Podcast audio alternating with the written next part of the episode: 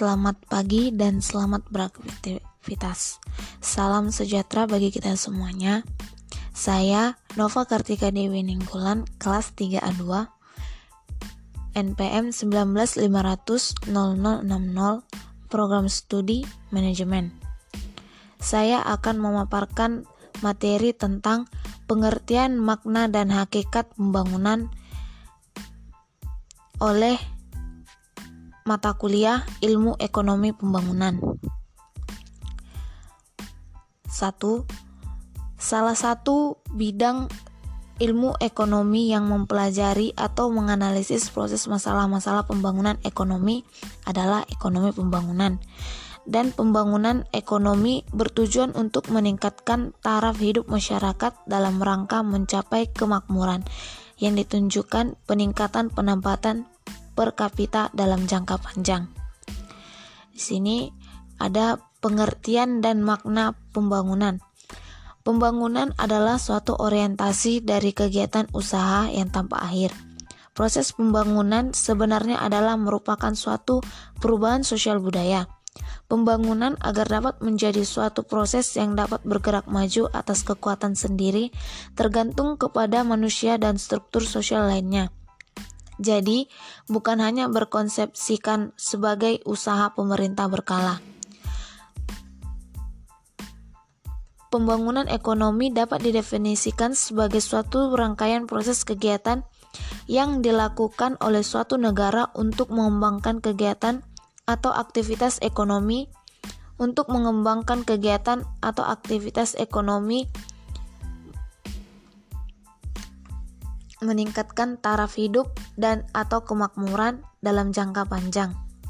Menurut beberapa pakar pembangunan ekonomi dan politik, masyarakat bangsa-bangsa dapat diklasifikasikan secara sosiologi ke dalam tiga kategori, yaitu pertama, masyarakat yang masih bersifat tradisional, kedua, masyarakat yang masih bersifat peralihan atau tradisional, ketiga, masyarakat bersifat maju atau modern pada negara-negara berkembang pada umumnya sedang berusaha untuk mengembangkan dirinya dari suatu keadaan dan sifat masyarakat tradisional dengan keadaan ekonomi terbelakang menuju keadaan yang dianggap lebih baik.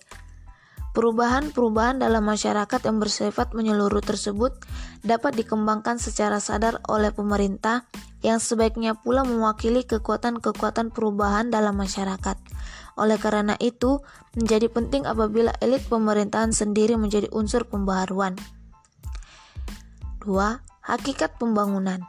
Perlu kita ketahui bahwa ciri-ciri keterbelakangan di bidang sosial adalah sifat masyarakat tradisional yang terikat pada nilai-nilai primordial yang pada dirinya memang ingin memelihara serta tetap apa yang telah ada dengan demikian tidak memberikan peluang cukup untuk adanya perubahan-perubahan serta tumbuhnya kekuatan-kekuatan pembaruan dalam masyarakat.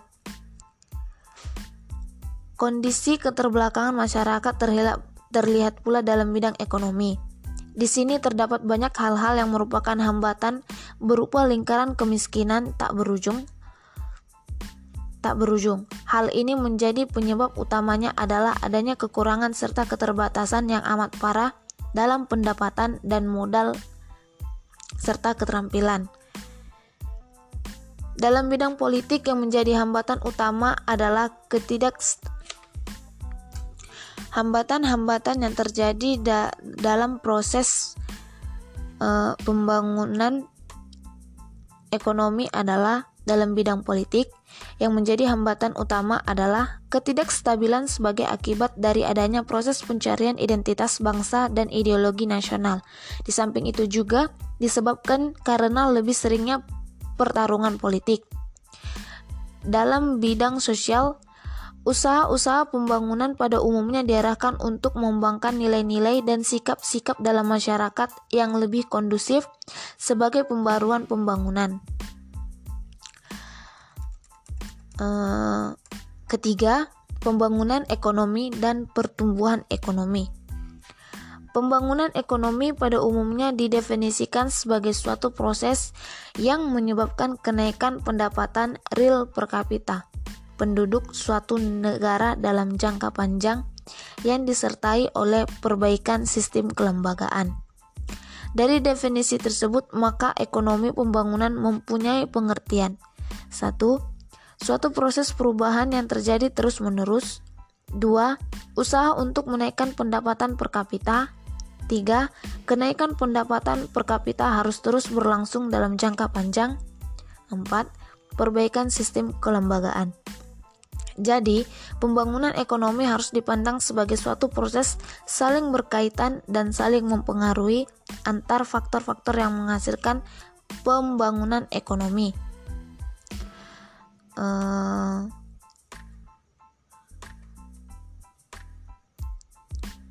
sampai di sini sampai di sinilah pemaparan materi tentang pengertian makna dan hakikat pembangunan. Saya ucapkan terima kasih. Selamat pagi.